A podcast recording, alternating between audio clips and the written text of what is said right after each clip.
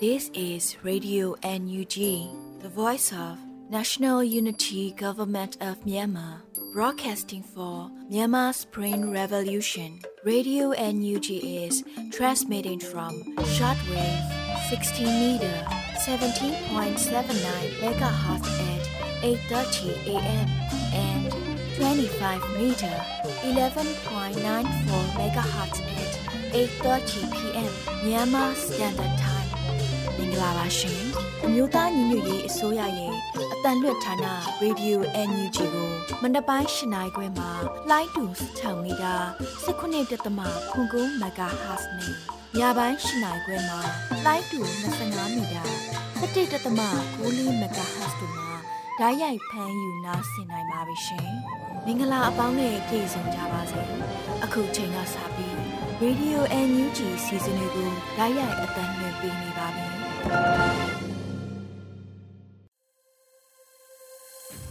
စိတ်အားရှင်လန်းတက်ကြွမှုနဲ့အတူကျမ်းမာတော်မူကြပါစားခင်ဗျာတောတာရှင်ပေါင်းတဲ့တကွမတရားမှုကိုစန့်ကျင်သောပြည်သူအလုံးကိုစိတ်နှဖျားဘေးကင်းတာယာကြဖို့လဲရေဒီယိုအန်ယူဂျီကမေတ္တာပို့သလျက်ရှိပါတယ်ဒီနေ့ဩဂုတ်လ2ရက်နေ့ရေဒီယိုအန်ယူဂျီရဲ့မနက်ခင်းအတန်လွှင့်စီစဉ်တွေကိုစတင်ပါတော့မယ်ကျွန်တော်ကလွတ်လပ်နေဦးပါအရင်ဦးဆုံးပြည်တွင်းသတင်းများကိုထုတ်လွှင့်ပါမယ်ဟိန်းကိုကိုကဖတ်ကြားပေးပါမယ်ခင်ဗျာ 2023ခုနှစ်ဩဂုတ်လ2ရက်နေ့မနက်ခင်းပြည်တွင်းသတင်းများကိုဖတ်ကြားပေးပါမယ်။ဦးဆုံးအနေနဲ့ပြည်သူ့အကျိုးစီးပွားကာကွယ်ဆောင်ရှောက်ရေးဟာမြို့သားညီညွတ်ရေးအစိုးရရဲ့အဓိကတာဝန်တရဖြစ်တယ်လို့ယာယီသမ္မတပြောကြားလိုက်တဲ့သတင်းကိုဖတ်ကြားပေးပါမယ်။ဩဂုတ်လ1ရက်နေ့မှာကျင်းပတဲ့မြို့သားညီညွတ်ရေးအစိုးရရဲ့26မြင်းဆောင်2023အစိုးရအဖွဲ့အစည်းအဝေးမှာယာယီသမ္မတဒူဝါလရှိလာကပြည်သူ့အကျိုးစီးပွားကာကွယ်ဆောင်ရှောက်ရေးဟာမြို့သားညီညွတ်ရေးအစိုးရရဲ့အဓိကတာဝန်တရဖြစ်တယ်လို့ပြောကြားခဲ့ပါတယ်။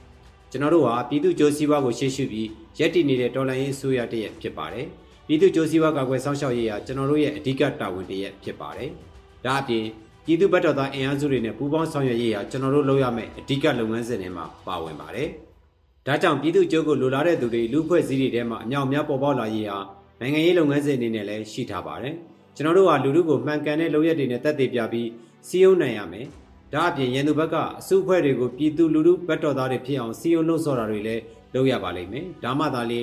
လူထုနိုင်ငံရေးရဲ့အပြန့်ကျက်မှုကပုံမကြီးထွားလာမယ်လို့ပြောနိုင်ပါလိမ့်မယ်လို့ဆိုပါတယ်။ဒါအပြင်လူထုနိုင်ငံရေးလုပ်ငန်းစဉ်ကိုအမြင့်ကျကျနဲ့ဆက်လက်ချက်ထွင်လှုံ့ဆော်ကြဖို့အထူးတိုက်တွန်းလိုတယ်လို့ယာယီသမ္မတကဆိုပါတယ်။လက်ရှိမှာမြို့သားညီညွတ်ရေးအစိုးရဟာဂျာကာလာပြည်သူဝန်ဆောင်မှုလုပ်ငန်းများဖြစ်တဲ့ကျန်းမာရေးပညာရေးများကိုမြေပြင်မှာချိတ်ဆက်ဆောင်ရွက်လျက်ရှိပါတယ်ခင်ဗျာ။ ဆက်လက်တင်ပြပေးမယ့်သတင်းရတော့စစ်ကောင်စီကနိုင်ငံတော်တိုင်ပင်ခံပုဂ္ဂိုလ်ရဲ့နာမည်ကိုတုံးချပြီးတော်လန်ရေးကိုအနှောက်အယှက်ဖြစ်အောင်လုပ်ဖို့ကြိုးစားနေပြီလို့ပြည်ထောင်စုဝန်ကြီးချုပ်ပြောကြားလိုက်တဲ့သတင်းပဲဖြစ်ပါတယ်။ဩဂုတ်လ၁ရက်မှာကျင်းပတဲ့အစိုးရအဖွဲ့အစည်းအဝေးမှာဝန်ကြီးချုပ်ကစစ်ကောင်စီဟာနိုင်ငံတော်တိုင်ပင်ခံပုဂ္ဂိုလ်ရဲ့နာမည်ကိုတုံးချပြီးတော်လန်ရေးကိုအနှောက်အယှက်ဖြစ်အောင်လုပ်ဖို့ကြိုးစားနေပြီလို့ထည့်သွင်းပြောပါတယ်။နိုင်ငံခြားရေးဘက်မျက်နှာစာမှာလည်းတည်တာတဲ့အားပေးထောက်ခံမှုမရအုပ်ချုပ်ရေးမျက်နှာစာမှာလည်းထိထိရရအုပ်ချုပ်နိုင်ခြင်းမရှိ။ စီမျက်နှာစာမှာလည်းအောင်ပွဲတွေဝေးလို့ရှိတဲ့စစ်သားတွေတောင်နေ့စဉ်ထွက်ပြေးနေတဲ့အခြေအနေမျိုးနဲ့စီးပွားရေးမျက်နှာစာမှာလည်းငွေဆက်ကိုတစ်တစ်ရိုက်ထုတ်ပြီးတိုင်းပြည်ရဲ့အခြေအနေကိုစိုးတဲ့စိုးအောင်မဲ့လုပ်နေတဲ့စစ်ကောင်စီဟာအခုဆိုရင်သူ့ရဲ့လုပ်နေကြလမ်းအောင်ကြီးအတိုင်းနိုင်ငံတော်အတိုင်ပင်ခံပုဂ္ဂိုလ်ရဲ့နာမည်ကိုအသုံးချပြီးဒေါ်လာရေးကိုအနှောက်အယှက်ဖြစ်အောင်လုပ်ဖို့စ조사နေပြန်ပါတယ်လို့ဝန်ကြီးချုပ်ကဆိုပါတယ်။ဒါ့အပြင်ဒေါ်လာရေးရဲ့အပြောင်းလဲအခြေအနေတွေကြောင့်ဒေါ်လာရေးအင်အားစုတွေကြားမှာပုံမစုစုစည်းစည်းနဲ့ တွေ့ဆုံဆွေးနွေးတိုင်ပင်ကြကပိုပြီးစုစည်းမိလာတယ်လို့ဝန်ကြီးချုပ်ကထပ်လောင်းပြောပါတယ်ခင်ဗျာနောက်ထပ်တင်ပြပေးခြင်းတဲ့သတင်းတစ်ပုဒ်ကတော့မင်းအွန်လိုင်းခေါင်းဆောင်တဲ့အကြံဖက်ဆေးအုပ်စုရဲ့လူငင်းချမ်းသာခွင့်ပြုလိုက်ကြောင်းကြေညာချက်က၎င်းတို့ရဲ့ရှုံးနိမ့်နေမှုကိုဖုံးကွယ်ထားရန်ကြိုးပမ်းမှုတစ်ခုသာဖြစ်တယ်လို့ NUG တရားရေးဝန်ကြီးဌာနကထုတ်ပြန်လိုက်တဲ့သတင်းပဲဖြစ်ပါတယ်။မြောက်လိုက်ခေါင်းဆောင်တဲ့အကြံဖက်ဆေးအုပ်စုရဲ့လူငင်းတက်တာခွင့်ပြုလိုက်ကြောင်းကြေညာချက်သည်၎င်းတို့ရဲ့ရှုံးနိမ့်နေမှုကိုဖုံးကွယ်ရန်ကြိုးပမ်းမှုတစ်ခုသာဖြစ်တယ်လို့ NUG တရားရေးဝန်ကြီးဌာနကဩဂုတ်လ၁ရက်နေ့မှာထုတ်ပြန်လိုက်ပါတယ်။နိုင်ငံတော်သမ္မတကြီးဦးဝင်းမြင့်နဲ့နိုင်ငံတော်၏အတိုင်ပင်ခံပုဂ္ဂိုလ်ဒေါအောင်ဆန်းစုကြည်တို့သည်ဤသည့်ပြစ်မှုတစုံတရာမှကျူးလွန်ခဲ့ခြင်းမရှိဘဲတစ်ဖက်သက်လုံခြံဆွဆွဲဖမ်းဆီးခြင်းခံရတာဖြစ်ပြီး၎င်းတို့ပေါ်ချမှတ်ထားတဲ့ပြစ်ဒဏ်အလုံးသည်ဥပဒေနဲ့ညီညွတ်ခြင်းမရှိတဲ့အပြင်ပြစ်ဒဏ်များကိုမတရားသဖြင့်ချမှတ်ခံထားခြင်းလည်းဖြစ်တယ်လို့ဖော်ပြပါတယ်။နိုင်ငံတော်ရဲ့သမ္မတကြီးဦးဝင်းမြင့်နိုင်ငံတော်ရဲ့အတိုင်ပင်ခံပုဂ္ဂိုလ်ဒေါအောင်ဆန်းစုကြည်အပါအဝင်မြန်မာနိုင်ငံတဝန်းလုံးရှိ မတရားဖမ်းဆီး၍ပြစ်ဒဏ်ချမှတ်ခြင်းခံရသောနိုင်ငံသားများအားလုံးသည်ချွေးချက်မရှိချက်ချင်းလွတ်ပေးရမည်သူများဖြစ်ပြီး၎င်းတို့ပေါ်ပြစ်ဒဏ်များချမှတ်ထားတဲ့အမိန့်များမှာမူလကတည်းကပြက်ပြက်ပြီးဖြစ်တယ်လို့ဆိုပါတယ်။ဒါကြောင့်မင်းအောင်လှိုင်ခေါင်းဆောင်တဲ့အကြံဖက်အုပ်စုအနေနဲ့နိုင်ငံတော်သမ္မတကြီးဦးဝင်းမြင့်နဲ့နိုင်ငံတော်ရဲ့အတိုင်ပင်ခံပုဂ္ဂိုလ်ဒေါ်ဆန်းစုကြည်အပါအဝင်အပြစ်မဲ့နိုင်ငံသားများပေါ်ချမှတ်ထားသောပြည်ထံအသီးသီးကိုပယ်ဖျက်ပြီးချွင်းချက်မရှိချက်ချင်းလွတ်ရန်ကြေညာချက်ထုတ်ပြန်လိုက်တယ်လို့တရားရေးဝန်ကြီးဌာနကအသိပေးပါတယ်ခင်ဗျာ ဆက်လက်ပြီးအလို့သမားဝန်ကြီးဌာနကဦးစီးပြုလုပ်တဲ့တွဲလက်ခိုင်မြဲຫນွေဦးအောင်ပွဲကမ်ပိန်းကရရှိမဲ့ငွေကြေးများကိုလုံသမားဝန်ကြီးဌာနရဲ့ CDM တွေနဲ့မြေထား CDM တွေထံသို့ခွဲဝေထောက်ပံ့ပေးရသွားမယ်ဆိုတဲ့သတင်းကိုတင်ပြပေးချင်ပါတယ်။လုံသမားဝန်ကြီးဌာနကဦးစီးပြုလုပ်တဲ့တွဲလက်ခိုင်မြဲຫນွေဦးအောင်ပွဲကမ်ပိန်းကရရှိမဲ့ငွေကြေးများကိုလုံသမားဝန်ကြီးဌာနရဲ့ CDM တွေနဲ့မြေထား CDM တွေထံသို့လည်းခွဲဝေထောက်ပို့ပေးရသွားမယ်လို့သတင်းရရှိပါတယ်။ တွဲလက်ခိုင်တဲ့နေဦးအောင်ပွဲကမ်ပိန်းဟာ refer ticket ရောင်းချတဲ့ campaign တစ်ခုဖြစ်ပြီးလက်မှတ်တစ်စောင်ကို2000ကျပ်နဲ့နိုင်ငံတကာ fundraiser ကြီးများထံမှတစ်ဆင့်ဝယ်ယူနိုင်မှာဖြစ်ပါတယ်။မြို့သားညီညွတ်ရေးအစိုးရလုံသမားဝန်ကြီးဌာနကဦးစီးပြုလုပ်တဲ့တွဲလက်ခိုင်တဲ့နေဦးအောင်ပွဲဆိုတဲ့ campaign ကရရှိတဲ့ငွေတွေကိုလုံသမားဝန်ကြီးဌာနရဲ့ CDM တွေနဲ့မြေသား CDM တွေထံသို့40ရာခိုင်နှုန်း CDM မှ PDF ရဲဘော်ဖြစ်တာဝန်ထမ်းဆောင်နေသူများထံသို့30ရာခိုင်နှုန်းနဲ့စေပေးချောင်စကန်များထံသို့30ရာခိုင်နှုန်းထောက်ပို့သွားမှာဖြစ်ပါတယ်။ကန်ဆယ်မင်းများအနေနဲ့ကတော့လုံသမားဝန်ကြီးဌာန ဒုတိယဝန်ကြီးရဲ့မင်္ဂလာလက်စွပ်တစ်ကွင်းမန်လေးမှကျင်းစာအုပ်စမီးမောင်နိုင်ရဲ့မင်္ဂလာလက်စွပ်နှစ်ကွင်းဩစတြေးလျနိုင်ငံမှာထောက်ပို့လူရှင်တူရဲ့လက်စွပ်တစ်ကွင်းဦးမင်းကိုနိုင်ရဲ့လူဦးအောင်ပွဲ Digital Art ပကြီး CDM2 ရဲ့လက်ရပကြီးကစသဖြင့်ပါဝင်ပါတယ်။ကမ်ပိန်းကာလာကတော့ဩဂုတ်လ1ရက်နေ့ကနေဩဂုတ်လ31ရက်နေ့ထိဖြစ်ပါတယ်။ကမ်ပိန်း target amount ကတော့7,000ဖြစ်ပါတယ်ခင်ဗျာ။အခုဆက်လက်ပြီး 2023ခုနှစ်ဇန်နဝါရီလမှဇူလိုင်လအထိ9လတာကာလအတွင်းနိုင်ငံတော်ပညာရေးကဏ္ဍမှာဆရာဆရာမများအပါအဝင်ဝန်ထမ်းမျိုးသားနဲ့မျိုးသမီးစုစုပေါင်း48ဦးကိုဂျမ်ဘက်ဆီအုပ်စုကဖမ်းဆီးခဲ့တဲ့တဲ့တင်ကိုတင်ပြပေးပါမယ်။ဩဂုတ်လ1ရက်နေ့မှာနိုင်ငံရေးကျင်းသားများကုညီဆောင်ရှောက်ရေးအသင်းမှကောက်ယူထားသောသတင်းချက်လက်များကိုအသိပေးဖော်ပြပါရတယ်။2023ခုနှစ်ဇန်နဝါရီလမှဇူလိုင်လအထိ9လတာကာလအတွင်းနိုင်ငံတော်ပညာရေးကဏ္ဍမှာဆရာဆရာမများအပါအဝင်ဝန်ထမ်းမျိုးသား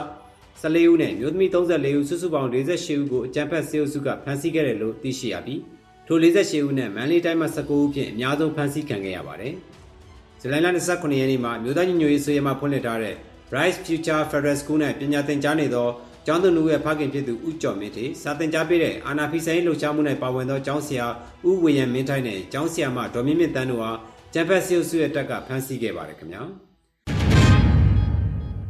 ဦးဆက်လက်ပြီးတပင်းမြို့နယ်ရဲ့စေပေးဆောင်ပြည်သူတောင်းကျော်ခန့်ရောက်ရှိနေတဲ့တဲ့ရင်ကိုတင်ပြပေးပါမယ်။တပင်းမြို့နယ်ထဲမှာစေပေးဆောင်ပြည်သူတောင်းကျော်ခန့်ရောက်ရှိနေတယ်လို့တပင်းမြို့နယ်စစ်ဆောင်ထောက်ပံ့ရေးအဖွဲ့ကဩဂုတ်လ၁ရက်နေ့မှာအသိပေးဆိုပါတယ်။တပင်းမြို့နယ်ရှေ့ဘက်ချမ်းစေပေးဆောင်များအခြေအနေဖြစ်ပါတယ်။ရေဦးနယ်စိန်စွန်းပိရကကြဆယ်ကြီးပေါက်တာတပင်းနယ်ရှေ့ဘက်ချမ်းညောင်လတရတော်ဝဲကြီးမူခန်တွင်လက်ရက်ကုန်းကုန်းကြီးညောင်ကြီးကုန်းစာသောကျေးရွာများမှာစေပေးဆောင်ပြည်သူတောင်းကျော်ရှိမယ်လို့ခန့်မှန်းရပြီး ယခုတက်တိုင်းနေပြန်ကတ်နိုင်ခြင်းမရှိသေးပါလို့ဆိုပါတယ်။၎င်းပြင်ရွှေဘုံနဲ့နောက်ဘက်ချက်မှတိတ်ရှောင်လာသောစစ်ပေးရှောင်များလည်းတိတ်ရှောင်နေရဆဲဖြစ်ပါတယ်ခင်ဗျာ။ဆက်လက်တင်ပြပေးခြင်းတဲ့သတင်းကတော့ CDM Success Committee မှကြီးမှု၍ CDM 2ຫນွေဥတီတစောင်းထောက်ပို့ကမ်ပိန်းမှာထိပေါက်သူ CDM များထွက်ပေါ်လာတဲ့သတင်းပဲဖြစ်ပါတယ်။ CDM Success Committee မှကြီးမှု၍ CDM 2ຫນွေဥတီတစောင်းထောက်ပို့ကမ်ပိန်းမှာထိပေါက်သူ CDM ဝန်ထမ်းများပေါ်ထွက်လာခဲ့တယ်လို့ဩဂုတ်လ၁ရက်နေ့မှာ CDM Success Committee မှတာဝန်ရှိသူတို့ကဆိုပါတယ်။သိန်းစု9စုကို MOH, MOE, MR တို့မှပေါက်ပြီး15သိန်းစုတစုကို MOE မှ CD မှများပေါက်ကြတယ်လို့ဆိုပါတယ်။ CDM Success Committee တို့ပူးပေါင်းဆောင်ရွက်ရသော CDM တူနွေဦးတီဆောင်ချီးမြှင့်တဲ့အစီအစဉ်မှာ2023ခုနှစ်ဇူလိုင်လနွေဦးတီအပတ်စဉ်21မှာကန်ထူးခဲ့ကြတာဖြစ်တယ်လို့သိရပါတယ်။ CDM တူနွေဦးတီဆောင်ချီးမြှင့်တဲ့ကမ်ပိန်းကိုမြည်သူမဆိုပါဝင်နိုင်ပြီးကမ်ပိန်းမှာစတင်တဲ့ချိန်မှစတင်ကနှစ်လတာကာလဖြတ်သန်းခဲ့ပြီးဖြစ်ပါတယ်။ CDM ဝန်ထမ်းများအတွက်ထီလက်မဲ့10ဆောင်နဲ့ထက်ဝယ်ယူအားပေးသူဟာကော်မတီမှလက်ဆောင်ပို့စကတ်များပြန်လည်ပေးပို့သွားမှာဖြစ်ပါတယ်ခင်ဗျာဝစ်ဆက်လက်ပြီးရှစ်လေးလုံးဒီမိုကရေစီရေးတော်ပုံထိမ့်မဲ့ခမ်းနားကိုမြို့သားဒီမိုကရေစီဖွဲ့ချုပ်ကဇွန်မတစ်ဆင့်ကျင်းပမယ်ဆိုတဲ့သတင်းကိုတင်ပြပေးပါမယ်။ဩဂုတ်လ10ရက်နေ့မှာကြာရောက်တဲ့35နှစ်ပြည့်ရှစ်လေးလုံးဒီမိုကရေစီရေးတော်ပုံထိမ့်မဲ့အခမ်းအနားကိုမြို့သားဒီမိုကရေစီအဖွဲ့ချုပ်ကဇွန်မတစ်ဆင့်ကျင်းပပေးမှာဖြစ်တယ်လို့မြို့သားဒီမိုကရေစီအဖွဲ့ချုပ်မှဥပဘိုဦးကအသိပေးဖော်ပြထားပါတယ်။ရှစ်ရက်ရှစ်လ 1988ခုနှစ်ဟာလူလူရေးတော်ပုံရဲ့အထိမ့်မဲ့လည်းဖြစ်ပါတယ်ခင်ဗျာခုနောက်ဆုံးအနေနဲ့လေပိုင်းတိုင်းစစ်တမ်းလာချုပ်တရှိရမန်လေးနန်းတွင်အတွင်းထဲသို့80မမဖြစ်ပြစ်ခတ်တိုက်ခိုက်ခဲ့တဲ့တဲ့တင်ကိုတင်ပြပေးချင်ပါတယ်။ဩဂလတရက်မနေ့၄နိုင်ပွဲချိန်မှာလေပိုင်းတိုင်းစစ်တမ်းလာချုပ်တရှိရမန်လေးနန်းတွင်အတွင်းထဲသို့80မမဖြစ်ပြစ်ခတ်တိုက်ခိုက်ခဲ့တယ်လို့ Normal Dictatorship People Defense Force ကအတည်ပြုထားပါတယ်။2023ခုနှစ်ဩဂုတ်လ1ရက်နေ့မနေ့၄နိုင်ခွဲခန့်မှာ လေပိုင်းတိုင်းစစ်ဌာနချုပ်တရှိရာမန်လေးနန်းတွင်တွင်တဲ့သို့80မမဖြင့်ပြစ်ခတ်တိုက်ခိုက်ခြင်းမှတ်တမ်းလို့ဖော်ပြထားပါတယ်။လက်တလောမှာထိခိုက်ပျက်စီးမှုခြေအနေကိုတည်ပြုနေဆဲဖြစ်ပြီးတော့2013ခုနှစ်မှာစစ်ကောင်စီတပ်ရဲ့ဌာနချုပ်စခန်းများဟာရှော့တိုက်ဒုံးများပါဝင်လက်နက်ကြီးများနဲ့မကြာခဏပစ်ခတ်တိုက်ခိုက်ခံနေရပါတယ်။ခုတင်ပြခဲ့တဲ့သတင်းတွေကို Radio Energy သတင်းတော့မင်းတရင်ကပေးပို့ထားတာဖြစ်ပါတယ်ခင်ဗျာ။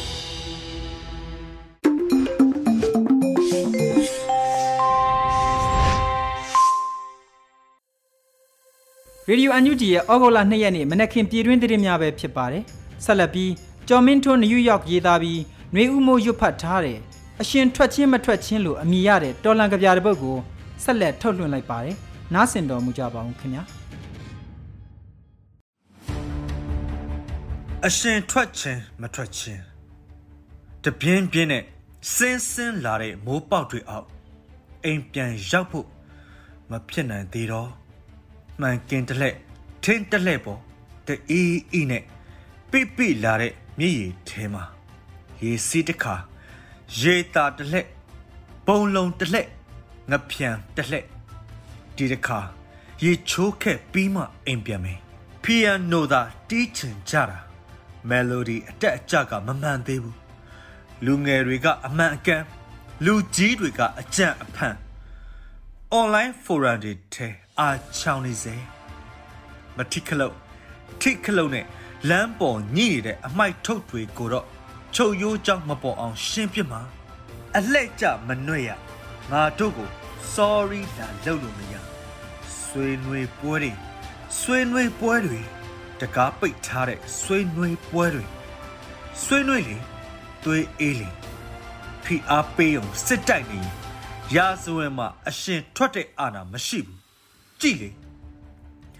ကပါမာဟစ်တလာဂရာဖီနဲ့ဟူစိန်ပြီးတော့မြန်မာပြည်ကဖီလိန်အာနာလိန်သူတွေဟာအရှင်မထွက်ဘူးကျော်မင်းထွန်းနယူးယောက်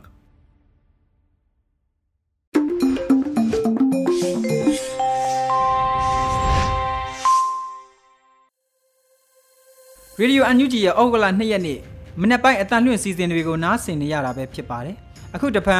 မြန်မာနွေဦးခရိုနီကယ်ဇူလိုင်လ31ရက်နေ့သတင်းမြင်ကွင်းဆောင်းပါးကိုတင်ပြပါမယ်။တက်တန်းအချိန်ချင်းတိုးနေရတော့အချိန်ပိုကန်နေတဲ့ကာလုံဘောလုံးပွဲလားအမိရတဲ့ခေါင်းစဉ်နဲ့သတင်းမြင်ကွင်းဆောင်းပါးကိုလွတ်လပ်နွေဦးကအခုလိုဖတ်ကြားတင်ပြထားပါတယ်ခင်ဗျာ။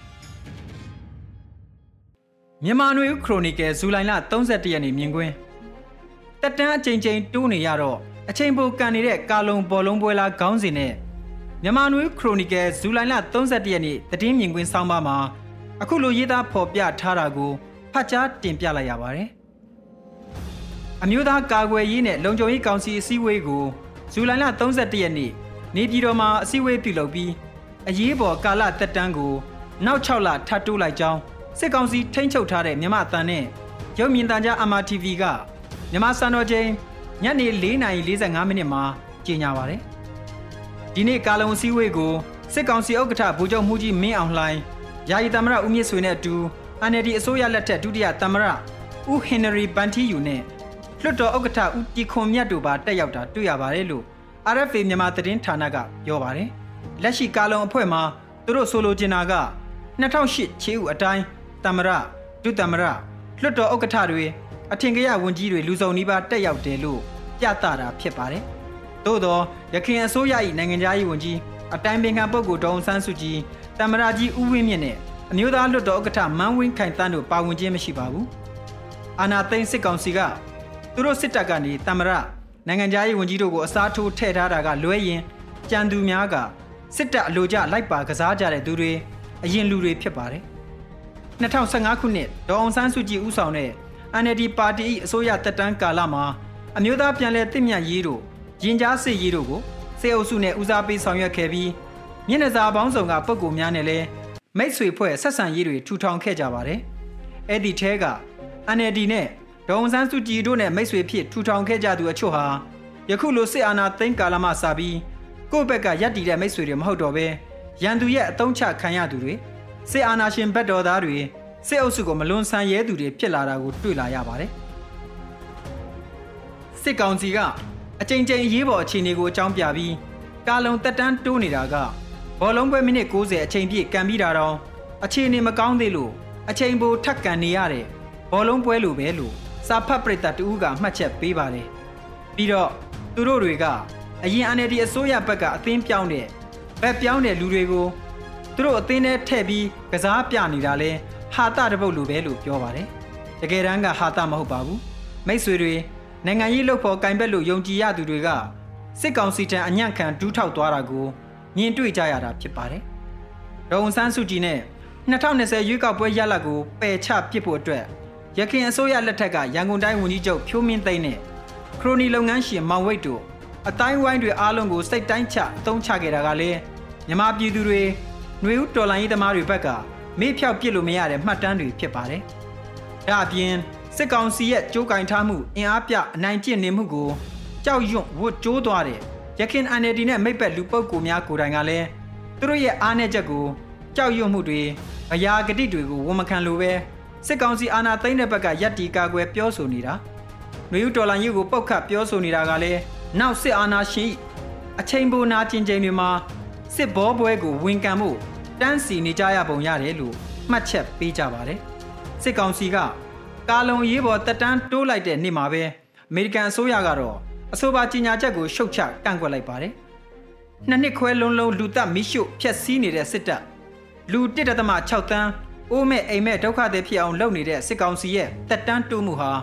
မြမပြည်ကိုပိုဆိုးဖို့ပဲဖြစ်စေတယ်လို့အမေရိကန်အစိုးရကပြစ်တင်လိုက်ပါတယ်။အဲ့ဒီနေ့မှာပဲ UNUG နဲ့ UNCC တို့အရေးပေါ်အစည်းအဝေးကျင်းပပြီး၎င်းတို့ရပ်တည်ချက်အတိုင်းຫນွေဦးဒေါ်လာရေးကိုဆက်ချီတက်မယ်လို့ပြောဆိုကြပါတယ်။အစည်းအဝေးတွင်ယာယီသမ္မတဒူဝါလရှိလာကပြောကြားရမှာကျွန်တော်တို့မှာ Federal Democracy ပဋိညာဉ်ရှိပါတယ်။တစ်အာဏာရှင်လုံးဝအမြင့်ဖြတ်ရေးနဲ့နှစ် Federal ပြည်ထောင်စုတည်ထောင်ရေးတာအဓိကဖြစ်ပါတယ်။အရေးကြီးဆုံးလမ်းကြောင်းဖြစ်ပါတယ်။ကျွန်တော်တို့ရဲ့နိုင်ငံရေးလမ်းကြောင်း political path ကရရှိပြီးသားဖြစ်ပါတယ်။ ဘယ်လိုပဲအခက်အခဲဖြစ်ဖြစ်ချင်းချောက်မှုပဲဖြစ်ဖြစ်အကြမ်းဖက်စစ်အုပ်စုအကွက်ဆင်တဲ့ဘက်မလိုက်သွားဖို့အရေးကြီးပါတယ်လို့နိုင်ငံတော်ယာယီသမ္မတကပြောပါတယ်။ဒါအပြင် NUCC ဘက်ကလည်း regime change မဟုတ်ဘူး system change ကိုဥတည်နေတာလို့ထောက်ပြသွားပါတယ်။အဲ့ဒီနေ့မှာပဲတိုက်တိုက်ဆိုင်ဆိုင်အမေရိကန်ပြည်ထောင်စုရဲ့နာမည်ကြီး New York Times သတင်းစာကြီးကကိုယ်တိုင်းပြည်ကိုပြန်ပုံးကျဲနေတဲ့နိုင်ငံတော်ဆိုတဲ့သတင်းဆောင်ပါကနေအာနာသိန်းစစ်ကောင်စီ၏တပ်တန်းတလျှောက် ပြည်သူတွေကိုဘုံကျဲတိုက်ခိုက်မိလောင်တိုက်သွင်းနေတဲ့အချက်လက်သတင်းတပ်ပုံရုပ်သံတွေဝေဝေဆာဆာနဲ့တင်ဆက်သွားပါတယ်။သူတို့ကောက်ယူတဲ့အချက်လက်တွေအရမြန်မာစစ်တပ်ကလူ3400ကျော်တပ်ဖြတ်ခဲ့ပြီး1.5တန်းကျော်နေရစွန့်ခွာခဲ့ကြရတယ်လို့မိမောင်းထိုးပြသွားပါတယ်။ပြီးတော့စစ်ကောင်စီကသူတို့တွေမှာတိုင်းပြည်အရေးပေါ်အခြေအနေတွေကိုဆက်လက်ထိမ့်သိမ့်ဖို့ဆိုပြီးအကြောင်းပြချက်ရဲ့အာနာသိမ့်တယ်ဆိုလိုက်ရင် သူတို့ရဲ့ခြေဥကိုယ်တိုင်ပါဖျက်သိမ်းပစ်လိုက်ရတဲ့ကိန်းဆိုင်မှာရှောင်လွှဲဖို့ရဲ့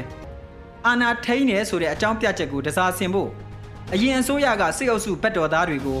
ကာလုံထဲမှာထုတ်ပြပြီးကြီးညာပြရတာရဲ့နဲ့သူတို့ဂတိအတိုင်းရွေးကောက်ပွဲအစ်စ်လဲခြီတလန်းမှမစနိုင်သေးတာရဲ့တွေစတဲ့အကြအတဲအကတ်အသတ်မျိုးစုံကနေကာလုံတက်တန်းနောက်6လတိုးတော်ညာလဲနိုင်ငံတကာနဲ့ပြည်သူတွေပေါ်ထိရောက်တဲ့တက်ရောက်မှုမရှိတာကိုသာရင်ဆိုင်လိုက်ရတယ်လို့ ဆိုလိုက်ချင်ပါတော့တယ်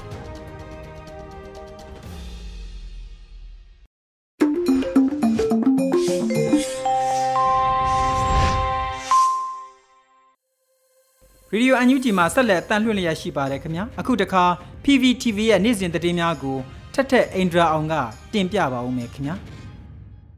အခုချိန်ကစပြီး PVTV သတင်းတွေကိုတင်ဆက်ပေးတော့မှာပါကျမထက်ထက်အိန္ဒြာအောင်ပါ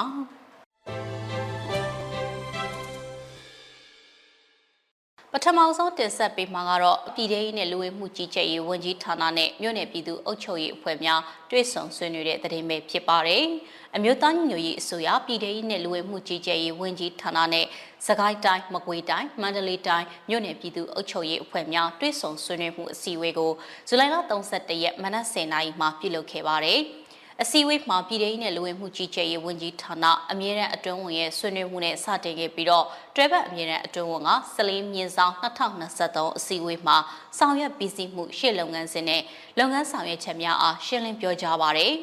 ဆက်လက်ပြီးမြို့နယ်ပြည်သူ့အုပ်ချုပ်ရေးအဖွဲ့ဝင်တွေကမူဝါဒလမ်းညွှန်ချက်မြေပြင်အုပ်ချုပ်ရေးဆောင်ရွက်နေမှုကြုံတွေ့နေရတဲ့အခက်အခဲတွေကိုမေးမြန်းဆွေးနွေးရမှာဝန်ကြီးဌာနတာဝန်ရှိသူတွေကပြန်လည်ဖြေကြားခဲ့ပါတယ်။ အစည်းအဝေးကိုအမြဲတမ်းအတွင်းဝင်ကဦးဆောင်ပြီးတော့တွဲဘက်အမြဲတမ်းအတွင်းဝင်များပြည်သူ့အုပ်ချုပ်ရေးဦးစီးဌာနပြည်သူ့ရဲတပ်ဖွဲ့မိသက်ဦးစီးဌာနလူဝင်မှုကြီးကြပ်ရေးဦးစီးဌာန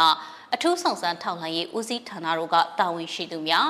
စကိုင်းတိုင်းမကွေးတိုင်းမန္တလေးတိုင်းမှာရှိတဲ့မြို့နယ်ပြည်သူ့အုပ်ချုပ်ရေးအဖွဲ့ဝင်များတက်ရောက်ခဲ့ကြတယ်လို့ပြည်ထောင်စုလူဝင်မှုကြီးကြပ်ရေးဝန်ကြီးဌာနကသတင်းထုတ်ပြန်ထားပါတယ်။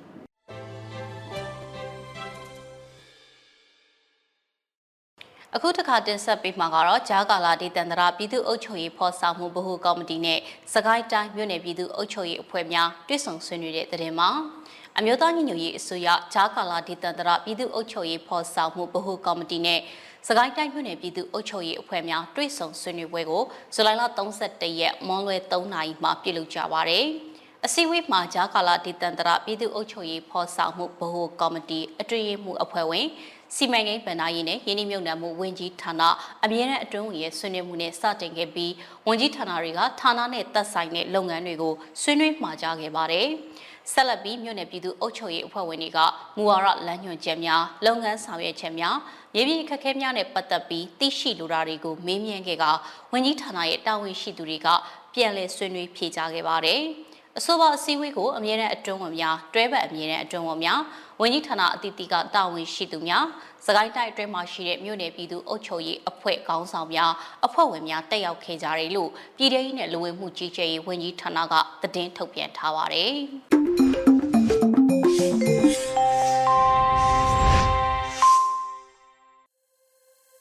တောတာရှင်များခင်ဗျာအခုတခါဩဂုတ်လ2ရက်နေ့ရေဒီယိုအန်ယူဂျီရဲ့မနေ့ပိုင်းတန်လွင့်စီစဉ်နောက်ဆုံးစီစဉ်အနေနဲ့တော်လိုင်းရေးတေးဂီတာတစ်ပုဒ်ကိုထုတ်လွှင့်ပါမယ်။ တေးဆိုကောင်းကင်တဲ့ကိုလင်းတို့ရဲ့ຫນွေဦးတော်လိုင်းရေးအောင်ပွဲစင်မီအမိရတဲ့တော်လိုင်းရေးတေးသချင်းကိုနားဆင်နိုင်ကြပါပြီခင်ဗျာ။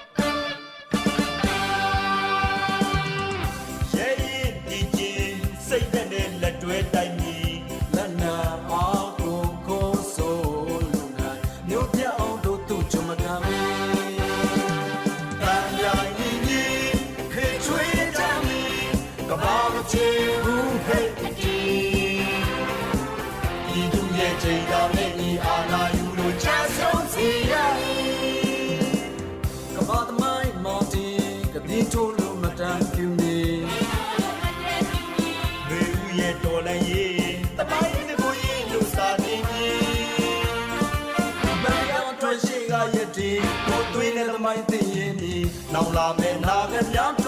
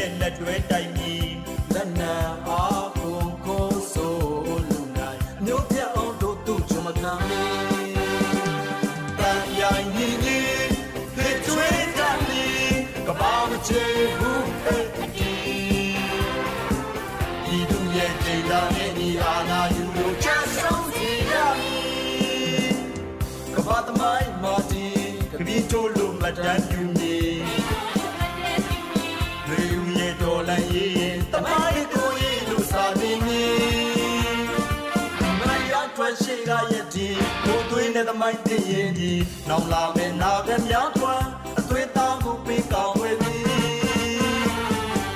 သူမထောင်ဘူးလေအာနာယူမျိုးပြတဲ့တိုက်ကိုတွန်းလန်းကြစို့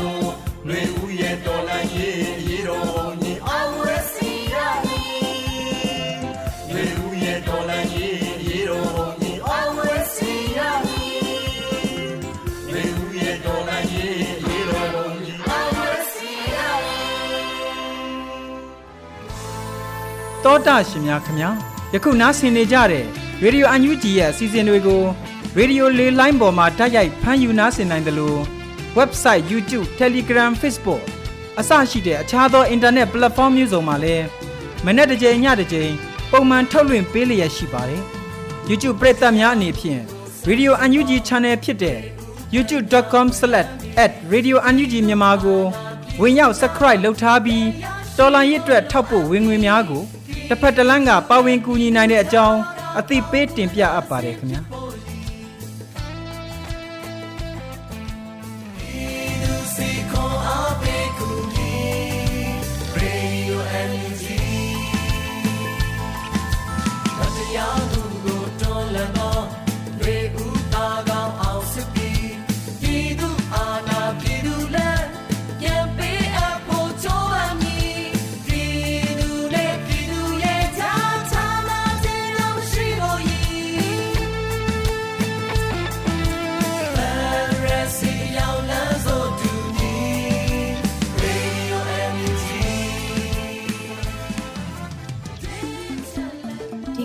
တော့ဒီညနေပဲ Radio NUG ရဲ့အစီအစဉ်လေးကိုခေတ္တရ延လိုက်ပါမယ်ရှင်မြန်မာစံတော်ချိန်မနေ့၈နိုင်ခွဲနဲ့ည၈နိုင်ခွဲအချိန်တွေမှာပြောင်းလဲဆိုပြကြပါလို့ရှင် Radio NUG ကိုမနေ့ပိုင်း၈နိုင်ခွဲမှာလိုင်းတူ16မီတာ